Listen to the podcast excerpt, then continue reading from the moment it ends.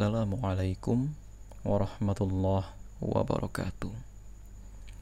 Innal hamdalillah nahmaduhu wa nasta'inuhu wa nastaghfiruh. Wa na'udzu billahi min syururi anfusina wa min sayyiati a'malina may yahdihillahu fala mudhillalah wa may yudlil fala hadiyalah. Ashhadu an la ilaha illallah وأشهد أن محمدا عبده ورسوله لا نبي بعده اللهم صل على محمد وعلى آل محمد كما صليت على إبراهيم وعلى آل إبراهيم. وبارك على محمد وعلى آل محمد كما باركت على إبراهيم وعلى آل إبراهيم. إنك حميد مجيد. ربي اشرح لي صدري ويسر لي أمري Wahlul uqdatam min lisani yafqahu qawli. Rekan-rekan sekalian, pada kesempatan kali ini kita akan menyajikan atau menggali kesimpulan apa yang kita dapatkan dari kisah perang Ahzab yang mana dalam pengkajian podcast ngaji budaya ini perang Ahzab kita bagi menjadi beberapa episode karena memang agak sulit menceritakan rentetan maghazi Rasulullah Shallallahu Alaihi Wasallam tanpa kemudian melihat satu peristiwa tersebut dengan kita kupas perlahan-lahan. Karena kalau kita hanya melihat dari skup yang terlalu sederhana, maka kita tidak akan mengetahui dampak dari perbuatan Rasulullah Shallallahu Alaihi Wasallam dalam konteks hubungannya dengan cara Rasulullah Shallallahu Alaihi Wasallam untuk memenangkan dakwah ini dengan korban yang minimal, dengan biaya yang minimal, tapi dengan hasil yang seluas-luasnya. Tentu kita ingat pada prinsip awal dari dakwah Islam. Dakwah Islam bukan disebarkan dengan pedang, akan tetapi disebarkan dengan cara meyakinkan orang bahwa Islamlah agama yang paling benar yang mampu menjamin keadilan, yang mampu menjamin ketertiban hidup di tengah-tengah masyarakat. Sebagaimana Allah Subhanahu wa taala berfirman dalam surat An-Nahl ayat 90 yang mana surat ini sudah turun jauh sebelum ajaran perang itu dibolehkan dalam Islam. A'udzubillahi minasyaitonirrajim. Ya ayyuhalladzina amanu afwan jidan bukan itu. Innallaha ya'murukum bil adli wal ihsan wa ita'idil qurba wa yanha 'anil fahsya'i wal munkari wal bagh ya'idzukum la'allakum tadzakkarun sadaqallahul azim. Di awal Allah Subhanahu wa taala mengatakan sesungguhnya Allah memerintahkan kita untuk berbuat adil. Innallaha ya'murukum bil adl Pertanyaan saya adalah sekarang, bagaimana ternyata kalau dakwah yang dilakukan oleh Rasulullah Shallallahu Alaihi Wasallam justru berubah menjadi tindak fasis atau berubah menjadi tindak imperialisme yang malah menyebarkan ketidakadilan yang baru.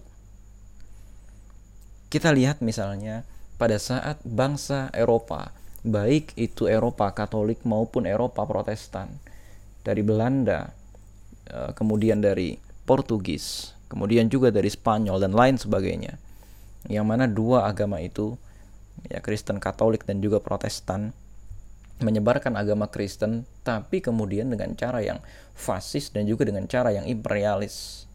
Sehingga mereka di negeri-negeri Muslim atau di negeri-negeri Hindu menciptakan koloni-koloni yang kemudian ternyata malah bukan menciptakan keadilan, akan tetapi menciptakan ketidakadilan yang baru. Sehingga kemudian kita lihat di mana-mana berlangsung perlawanan-perlawanan kepada ajaran agama Kristen dan juga kepada orang-orang Kristen itu sendiri. Di negeri-negeri yang dijajah oleh orang-orang Kristen, yang mayoritas negeri itu adalah negeri Islam, tidak terjadi konversi besar-besaran kepada Islam.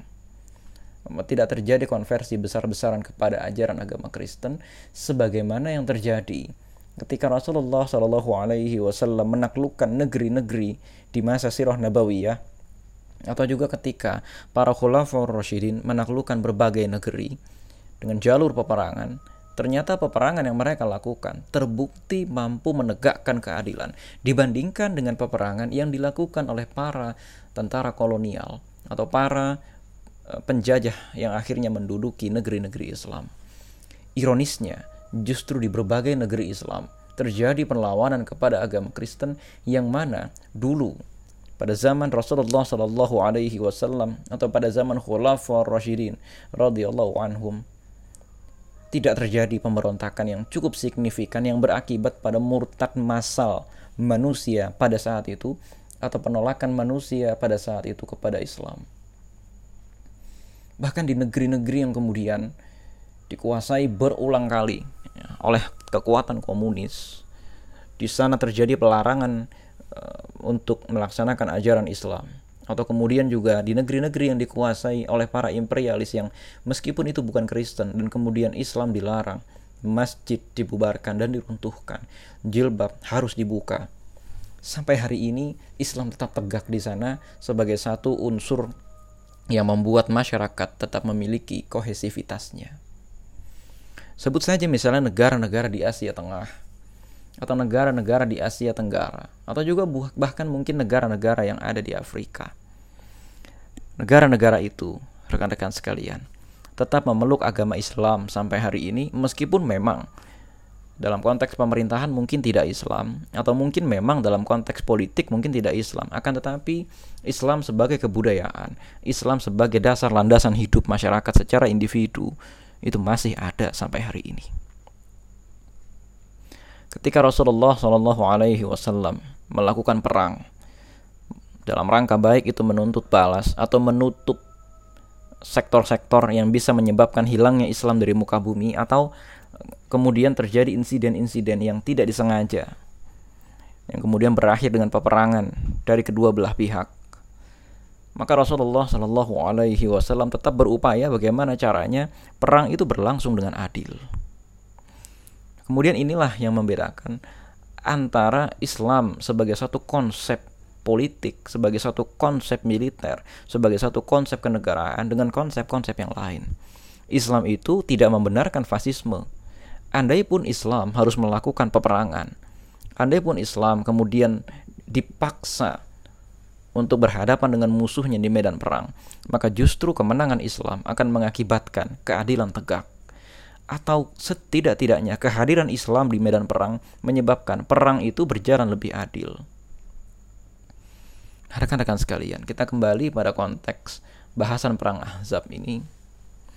Ada beberapa pelajaran yang bisa kita petik. Yang pertama, analisis mengapa kemudian Rasulullah Shallallahu Alaihi Wasallam berhasil memenangkan peperangan. Jenderal Syed Mahmud Khattab dalam bukunya leadership Rasulullah dalam bidang kemiliteran yang diterjemahkan oleh seorang uh, kapten angkatan darat yaitu Kapten Syamiun Tamimi menyebutkan dengan jelas bahwa faktor kekalahan orang-orang Quraisy pasukan gabungan tersebut itu ada satu yang paling penting tidak adanya pimpinan tunggal rupanya Penyebab kekalahan ini sama persis seperti penyebab kekalahan orang-orang Quraisy pada saat perang Badar. Orang-orang Quraisy itu punya kebiasaan mengerahkan pasukan gabungan karena memang pada kenyataannya bedanya antara pasukan gabungan dengan pasukan tunggal yang terorganisir adalah pasukan gabungan itu terdiri dari berbagai macam unsur yang masing-masingnya memiliki pemimpin secara terpisah. Tapi kemudian mereka itu diikat dengan satu perjanjian yang saling menguntungkan. Nah, kalau kita tarik lagi memori ke belakang, mengapa kemudian kaum Quraisy itu bisa bersatu dengan kabilah Ghatafan dan juga bisa bersatu dengan kaum Yahudi? Satu, motif mereka berbeda-beda, akan tetapi ada satu tujuan yang sama. Bagi orang-orang Quraisy, jelas motif mereka adalah membunuh Rasulullah Shallallahu Alaihi Wasallam yang Rasulullah itu ternyata berhasil memotong jalur-jalur perdagangan mereka sehingga Mekah dalam hal ini ada dalam kondisi yang tidak begitu menguntungkan. Dalam tanda kutip bisa kita katakan sumber ekonomi kota Mekah itu semakin habis, semakin habis, semakin habis. Rasulullah Shallallahu Alaihi Wasallam sepanjang perang Badar sampai dengan perang Ahzab ada jangka waktu kira-kira tiga tahun tidak pernah absen mengirimkan uh, syariah-syariah kecil atau mengirimkan satuan-satuan pasukan kecil yang isinya bukan hanya satuan pasukan akan tetapi juga dilengkapi dengan para diplomat yang bahkan kadang-kadang Rasulullah Shallallahu Alaihi Wasallam sendiri ikut berangkat untuk apa? Menyimpan atau mengikat satu perjanjian dagang dengan kabilah-kabilah yang dilewati oleh beliau. Sehingga konsekuensinya apa?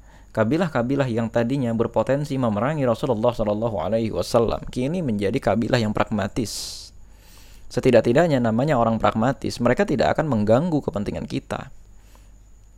Namanya kabilah yang pragmatis itu, kalau kita dilihat menguntungkan bagi mereka, mereka akan bekerja sama dengan kita. Tapi kalau kita dilihat merugikan buat mereka, maka mereka juga tidak akan terlalu jauh ikut campur kepada kita. Karena dalam pikiran mereka yang terpenting untung rugi. Jadi meskipun awalnya ikatan mereka kepada Rasulullah Shallallahu Alaihi Wasallam itu bukan ikatan ideologis tapi sebatas ikatan pragmatis. Ikatan berdasarkan kepentingan-kepentingan yang sesaat saja, yaitu misalnya Rasulullah Shallallahu Alaihi Wasallam menawarkan stabilitas pasar atau juga menawarkan stabilitas jalur dagang. Nah, inilah kemudian yang membuat mereka mengalihkan perjanjian dagang mereka dari perjanjian dagang dengan orang-orang Quraisy kepada orang-orang Madinah. Yang dalam hal ini tentu saja kita lihat para pedagang-pedagang muhajirin itu berhasil perlahan-lahan mengembalikan bisnis mereka yang sebelumnya kurang lebih ya sekitar sudah lima tahun hancur karena apa mereka berhijrah tanpa membawa harta benda mereka sedikit pun. Meskipun di sela-sela itu semua mereka sibuk berperang, mereka sibuk membangun kota Madinah yang tentu saja membutuhkan biaya yang sangat besar. Nah, jadi kepentingan ini ya rekan-rekan sekalian yang kemudian disadari betul oleh Rasulullah Shallallahu Alaihi Wasallam. Ketika orang-orang Quraisy kemudian mengerahkan pasukan yang besar setelah sebelumnya dipanas-panasi oleh orang-orang Yahudi Bani Nadir dan juga orang-orang Yahudi Bani Qainuqa kepentingan orang-orang Quraisy ini memang menghabisi orang-orang Madinah, menghabisi Rasulullah Shallallahu Alaihi Wasallam terutama, karena mereka menganggap aktor intelektual di balik kekacauan jalur dagang ini adalah Rasulullah. Tentu saja masalahnya adalah itu. Nah, yang kedua, motifnya orang-orang Yahudi adalah membalas dendam. Jelas karena mereka diusir dari kota Madinah dan pengusiran mereka bukan tanpa alasan mereka mengkhianati piagam Madinah yang sebelumnya sudah ditetapkan sebagai konstitusi dari kota Madinah. Bani Qainuqa itu menolak membayarkan diat ya. Dan kemudian Bani Qainuqa uh, bukan bukan Bani Qainuqa itu bukan yang menolak membayarkan diat, akan tetapi Bani Qainuqa itu yang melakukan beberapa muslihat kepada muslimah di pasar sehingga auratnya terbuka. Nah, Bani Nadir ini adalah bani yang menolak ikut menanggung biaya diat yang dilakukan oleh kaum muslimin pada saat itu. Dan kedua bani ini sama-sama berkhianat pada saat terjadi perang. Ada yang membocorkan informasi rahasia kepada musuh, ada yang kemudian bersikap pragmatis dalam peperangan, dan lain sebagainya. Sehingga konsekuensinya mereka diusir dari dalam kota lantaran mereka dinyatakan sah melanggar piagam Madinah. Nah, rekan-rekan sekalian, ya, dalam hal ini jelas motif orang-orang Yahudi adalah dendam dan ingin mengambil kembali properti mereka, aset-aset mereka yang sudah dinasionalisasi, ya bahasanya oleh Rasulullah Shallallahu Alaihi Wasallam. Nah kemudian ada kabilah ketiga, ya ada kelompok ketiga yaitu kabilah Ghatafan yang mereka ini pragmatis. Karena apa? Mereka melihat dengan pasukan gabungan yang besar antara kaum Quraisy yang jumlahnya mungkin sekitar 4.000 orang dan kaum orang-orang Yahudi ya yang mungkin jumlahnya sekitar 6000 atau ya 2 sampai 4000 juga gitu ya. 2000 sampai 4000 juga jumlahnya. Mereka melihat pasti kota Madinah akan kalah karena kota Madinah tidak punya pasukan sebesar itu. Maka kabilah Ghatafan bersikap pragmatis. Mereka menginginkan dengan kemenangan pasukan itu, mereka mendapatkan bagian harta benda, buah-buahan, atau setidak-tidaknya mendapatkan uh, harta rampasan perang dari kota Madinah maka mereka bergabung. Tapi dalam hal ini, ya rekan-rekan sekalian, tiga pasukan ini tidak tunduk di bawah satu kepemimpinan. Dan hal ini sangat diperhatikan oleh Rasulullah Shallallahu Alaihi Wasallam.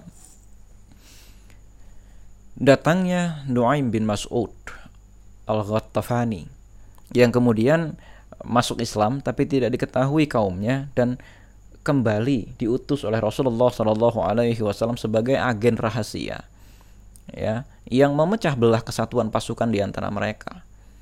Sebetulnya ini sudah by design sejak awal. Rasulullah mengetahui bahwa motif pasukan itu berbeda-beda. Dan kemudian kehadiran Nuaim bin Mas'ud adalah sebuah pertolongan dari Allah Subhanahu wa taala. Memang kemudian ini mengandung pesan ya bahwa di tengah-tengah kesulitan itu sudah pasti Allah Subhanahu wa taala sudah mempersiapkan bantuan-bantuan bagi umatnya yang mau terus berkepala dingin dan berusaha. Nah, rekan-rekan sekalian, Ya, jadi motif atau penyebab kekalahan orang-orang Quraisy itu sejak awal adalah mereka tidak ada di bawah satu komando pasukan yang jelas. Tidak ada satu komando pasukan yang disepakati. Yang kedua, ya rekan-rekan sekalian, di antara penyebab orang-orang Quraisy ini jadi kalah adalah mereka itu kurang sabar. Tipu daya yang berupa penghasutan itu tidak akan mempan kalau semua pasukan atau semua pimpinan pasukan itu mau lebih sabar dalam mengepung kota Madinah. Meskipun begitu, tetap saja kesabaran ini mungkin tidak ada gunanya melawan angin topan yang didatangkan oleh Allah Subhanahu wa taala sebagai pertolongan kepada kaum muslimin. Nah, inilah di antara penyebab kekalahan mereka. Kemudian, rekan-rekan sekalian, ada satu hadis yang menarik yang rupanya hadis ini dibawakan oleh Ibnu Ishaq dari jalur Urwah bin Zubair. Urwah bin Zubair ini adalah murid dari Aisyah radhiyallahu anha. Nah, Urwah bin Zubair ini adalah salah seorang tabi'in yang lahir di masa kekhalifahan Uthman bin Affan yang dia adalah anak dari Zubair bin Awam radhiyallahu an. Nah, dari mana? Dia adalah anak dari Asma binti Abu Bakar yang merupakan berarti anak ini adalah keponakan dari Aisyah, masih mahramnya dari Aisyah. Nah, kemudian Urwah bin Zubair ini menjadi murid dari Aisyah dan meriwayatkan banyak sekali kisah sirah nabawiyah dari jalur Aisyah. Nah, kemudian salah satunya itu menjadi Maghazi Urwah. Nah, Urwah inilah yang meriwayatkan satu hadis yang terkenal sekali dalam peristiwa Perang Ahzab al-harbu khuda'an. Al-harbu khuda'ah. Nah, al-harbu al-harbu khuda'ah ini maksudnya adalah perang itu adalah tipu daya. Nah, dalam hal ini al-harb di masa Rasulullah Shallallahu Alaihi Wasallam memang jelas diartikan sebagai peperangan bersenjata. Dan kemudian khud'ah ya, yang dimaksud di sini itu satu untuk mengurangi timbulnya korban jiwa karena semakin uh, peperangan itu terjadi secara tatap muka atau face to face, ya terjadi interaksi langsung, insiden langsung bersenjata, maka potensi terjadinya korban jiwa itu semakin besar. Sedangkan Rasulullah Shallallahu Alaihi Wasallam sendiri sama sekali tidak ingin terjadi korban jiwa, sama sekali tidak ingin. Kita sudah kehilangan banyak pejuang-pejuang Muslim dalam kisah peperangan-peperangan sebelumnya. Di antaranya dalam kisah perang Uhud, kita kehilangan sekitar tiga pejuang muslim yang besar sekali. Abdullah bin Jahshi, Mus'ab bin Umair, Hamzah bin Abdul Muthalib. Begitu juga dalam kisah-kisah yang lain. Misalnya dalam kisah uh, Bir Rumaunah atau dalam kisah uh, ekspedisi-ekspedisi Rasulullah Shallallahu Alaihi Wasallam yang lain. Kita banyak sekali kehilangan para sahabat yang menjadi ulama-ulama di tengah mereka bahkan ketika Rasulullah Shallallahu Alaihi Wasallam masih hidup. Begitu juga di pihak Quraisy. Kita tidak pernah tahu kalau Rasulullah Shallallahu Alaihi Wasallam pada saat itu memilih peperangan terbuka. Barangkali ada orang-orang yang suatu saat nanti akan menjadi sahabat Rasulullah Shallallahu Alaihi Wasallam tapi tewas terbunuh dalam kejadian perang itu. Di antaranya kita tahu bahkan pemimpin kota Mekah sendiri yaitu Abu Sufyan yang nanti akan menjadi salah satu pejuang Islam yang hebat dalam kisah perang Yarmuk misalnya. Atau juga generasi-generasi muda Quraisy yang pada saat itu belum masuk Islam.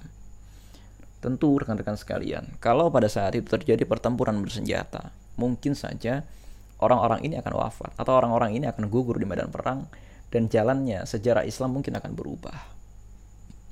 Dan memang sejak awal keinginan Rasulullah Shallallahu Alaihi Wasallam adalah agar orang-orang ini menjadi orang Islam, bukan agar orang-orang ini binasa. Mungkin kalau kita sering memperhatikan atau sering melihat film-film laga, kita mengharapkan musuh itu kalah begitu saja. Kita mengharapkan musuh itu hancur sehancur-hancurnya. Padahal yang diinginkan oleh Islam adalah bukan kemenangan yang kemudian destruktif. Kemenangan ini tidak menghasilkan e, masuknya sejumlah orang ke dalam Islam. Akan tetapi kita lihat di sini. Ketika Rasulullah Shallallahu Alaihi Wasallam bersabda, al harbu khida'ah, peperangan itu adalah tipu daya. Saat itu tipu daya yang dilancarkan oleh Rasulullah Shallallahu Alaihi Wasallam melalui Nuaim bin Mas'ud yang memecah belah pasukan mereka ini menjadi kunci kemenangan mereka dan kemudian peperangan itu berhenti tanpa korban jiwa sedikit pun. Nah, ini yang kemudian menjadi penting untuk kita perhatikan. Para ulama ahli sirah seperti di antaranya adalah As-Salabi atau misalnya juga Syed Mahmud Khattab menggarisbawahi bahwa perang Ahzab ini adalah perang yang terjadi secara urat saraf. Artinya unjuk kekuatan masing-masing pihak itu sudah ada. Unjuk kekuatan dua kubu yang sedang bertempur ini sudah ada. Akan tetapi ternyata dalam proses memenangkan suatu pertempuran, perang urat saraf itu memegang peranan lebih penting. Memang sejak awal misalnya, orang-orang Quraisy sudah menunjukkan perang urat saraf yang luar biasa. Mereka berhasil menggabungkan seluruh bangsa Arab jadi pasukan mereka. Dan ini tentu kalau Rasulullah Shallallahu Alaihi Wasallam adalah seorang pengecut, pasti pada saat itu kota Madinah menyerah tanpa syarat. Tanpa syarat. Karena apa? Ini sudah sekitar 12.000 orang atau 10.000 orang minimal mengepung kota Madinah. Dan saat itu kota Madinah juga sedang dilanda paceklik. Dihitung dari faktor mana pun, ini kota Madinah akan kalah. Akan tetapi ternyata dalam tanda kutip keberanian Rasulullah Shallallahu Alaihi Wasallam untuk menghadapi musuh-musuhnya masih menyebabkan Rasulullah itu menang secara opini. Rasulullah dengan cepat misalnya memutuskan bahwa kita akan menggali parit. Ini adalah suatu kemenangan tersendiri. Karena apa? Dengan kepala dingin, Rasulullah Shallallahu Alaihi Wasallam masih bisa merumuskan satu strategi untuk apa? Mencegah pertempuran langsung. Kondisi ini berbeda dengan perang Badar misalnya meski misalnya kalau kita ketahui di kisah perang Badar memang terjadi pertempuran langsung, akan tetapi Rasulullah Shallallahu Alaihi Wasallam dengan cerdik misalnya menciptakan tekanan tersendiri kepada pasukan Quraisy sebelum bahkan pasukan Quraisy itu berhadapan dengan pasukan Muslim dengan cara apa? Kalau kita lihat di perang Badar, Rasulullah Shallallahu Alaihi Wasallam terlebih dahulu berkemah di daerah Badar yang ada airnya Sementara Rasulullah Shallallahu Alaihi Wasallam mengirimkan satu regu pasukan untuk menghancurkan seluruh sumur, menimbun seluruh sumber mata air yang ada dalam radius jangkauan pasukan Quraisy pada saat itu. Jenderal Syed Mahmud Khattab mengungkapkan bahwa faktor kekalahan orang-orang Quraisy pada saat perang Badar adalah masalah kekurangan air. Sehingga kemudian kita lihat ada satu insiden ketika orang-orang Quraisy pada saat itu memaksa untuk mengambil sumber air orang-orang muslim. Karena apa? Saking mereka itu kekeringan, saking mereka itu tidak ada air. Jadi faktornya di sini adalah mereka kalah dalam perang urat saraf di perang Badar meskipun jumlah mereka seribu orang. Sedangkan jumlah pasukan muslim pada saat itu hanya sekitar 314 orang saja. Begitu juga di perang Uhud. Ya, strategi Rasulullah Shallallahu Alaihi Wasallam masih dalam rangka perang urat saraf ini meminimalisir terjadinya bentrokan langsung. Ini bukti betapa Rasulullah Shallallahu Alaihi Wasallam itu tunduk kepada sunatullah bahwa selain kita bertawakal dalam artian sudah berdoa dan lain sebagainya, tawakal itu juga diwujudkan dengan strategi yang matang. Dan salah satu strategi itu adalah kalau jumlah pasukan kita lebih kecil, hindari pertempuran langsung untuk apa? Menghindarkan munculnya korban jiwa yang besar. Meskipun kita tahu, ya setelah itu Rasulullah Shallallahu Alaihi Wasallam tetap berperang dalam arti tetap menghadapi pertempuran langsung akan tetapi pasukan musuh sudah dilemahkan terlebih dahulu. Di perang Uhud kita tahu Rasulullah Shallallahu Alaihi Wasallam menempatkan uh, sekitar 50 pasukan pemanah di atas bukit. Ini untuk apa? Menciptakan faktor pengganggu, menciptakan halangan agar ketika terjadi pertempuran langsung, orang-orang Quraisy tidak bisa langsung mengerahkan seluruh pasukannya Artinya ada ada penghambat di sana sehingga orang-orang Quraisy menderita tekanan yang besar. Nah, ini yang kemudian ya rekan-rekan sekalian, inilah yang kemudian e, tidak disadari oleh para juru dakwah sekarang. Begitu juga ketika Rasulullah Shallallahu Alaihi Wasallam dalam episode perang Ahzab ini menciptakan parit agar apa? Agar tidak terjadi pertempuran langsung. Karena kalau sudah pasti ada pertempuran langsung, oke okay lah kalau misalnya kita tahu misalnya, misalnya Rasulullah Shallallahu Alaihi Wasallam tetap akan menang, korban jiwa tidak dapat dihindarkan. Korban jiwa tetap tidak dapat dihindarkan. Maka dengan Rasulullah Shallallahu Alaihi Wasallam di perang Badar menghancurkan sumber-sumber air, di perang Uhud menempatkan pasukan pemanah di atas bukit, kemudian di perang Ahzab menciptakan parit. Itu fungsinya apa? Fungsinya untuk menghindarkan korban jiwa lebih besar dan juga kemudian untuk menciptakan tekanan-tekanan tersendiri kepada pasukan musuh yang jumlahnya lebih besar. Nah ini yang kemudian teman-teman sekalian, kalau kita ambil hikmah dari sini dan kalau kita kaitkan juga tadi dengan hadis al-harbu khida'ah, maksudnya adalah dalam situasi dakwah yang sulit, hindarkan bentrokan langsung dengan musuh. Dalam artian begini, kita siapkan dulu apa yang bisa melemahkan pasukan musuh sejak awal. Apakah bentuknya perang informasi? Terserah. Apakah bentuknya halangan-halangan tertentu? Terserah. Atau apakah bentuknya kita alihkan perhatian musuh dengan ciptakan masalah-masalah kecil buat mereka sehingga masalah-masalah itu melemahkan, melemahkan dan terus melemahkan kekuatan musuh atau bahkan bila mana perlu memecah belah kekuatan musuh sehingga kita tidak berhadapan langsung dengan pasukan musuh yang besar itu terserah. Yang penting teman-teman sekalian tidak sembrono. Kalau aplikasinya di zaman sekarang mungkin tidak segala sesuatu mesti kita tanggapi dengan face to face. Tidak mesti segala sesuatu kita hadapi dengan face to face misalnya. Kita tahu misalnya sekarang ada indikasi pemerintahan itu mulai uh, tidak pro rakyat. Pemerintahan itu mulai sangat neoliberal dan kemudian pemerintahan itu mulai menekan para ulama dan lain sebagainya. Kalau kita orang yang kurang persiapan, maka kita akan langsung face to face berhadapan dengan pemerintah. Langkah face to face berhadapan dengan pemerintah ini adalah sesuatu yang barangkali ya menurut orang atau kalau kita ikuti kajian surah Nabawiyah, ini kerugiannya akan besar. Banyak ulama yang mungkin akan dibunuh, ya. Banyak gerakan-gerakan Islam yang mungkin sekarang sudah tidak lagi populer di tengah-tengah masyarakat karena pemerintah itu pasti menguasai semua lembaga yang berwenang untuk menetapkan kebenaran. Dengan peraturan-peraturan atau dengan blokade-blokade bisnis dan lain sebagainya mereka bisa mengalahkan Islam dengan cepat kalau kita kurang perhitungan. Meskipun janji Allah Subhanahu wa taala untuk memenangkan Islam. Dalam hal ini memang kita tidak boleh sembrono. Kita tidak boleh langsung berhadapan face to face dengan musuh sebelum Ya, kita bisa menghitung resiko apa yang muncul dan yang kedua kita ciptakan halangan-halangan, kita ciptakan parit apa yang bisa eh, menjauhkan jarak kita dengan musuh sehingga pertempuran langsung bisa dielakkan. Akan tetapi kemenangan tetap kita dapatkan. Selalu pasukan Islam dalam kondisi yang kurang menguntungkan. Baik itu di perang Badar, perang Uhud maupun juga di perang Ahzab.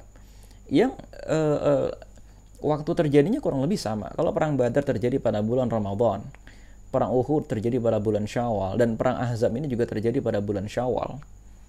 Ya kan tiga-tiganya terjadi pada waktu yang hampir bersamaan. Ini kondisinya terjadi ya kurang lebih saat itu ya sudah musim dingin. Ya itu yang jadi masalah kecuali perang Badar itu kan terjadinya pada musim panas. Dan itu terjadi bukan pada musim panen. Ya, bukan terjadi pada musim panen. Inilah ya, rekan-rekan sekalian yang kemudian harus kita sikapi dengan baik. Dakwah itu adalah soal bagaimana cara membuat rencana yang matang. Al-harbu khida'ah. Jadi soft power, pendekatan kita untuk bisa memenangkan peperangan dengan korban jiwa yang seminimal mungkin. Pendekatan kita untuk bisa memenangkan dakwah dengan benturan yang seminimal mungkin tapi hasil yang sebesar mungkin. Itulah pelajaran yang bisa kita dapatkan dari perang Ahzab. Allahu a'lam bishawab. Assalamualaikum warahmatullahi wabarakatuh.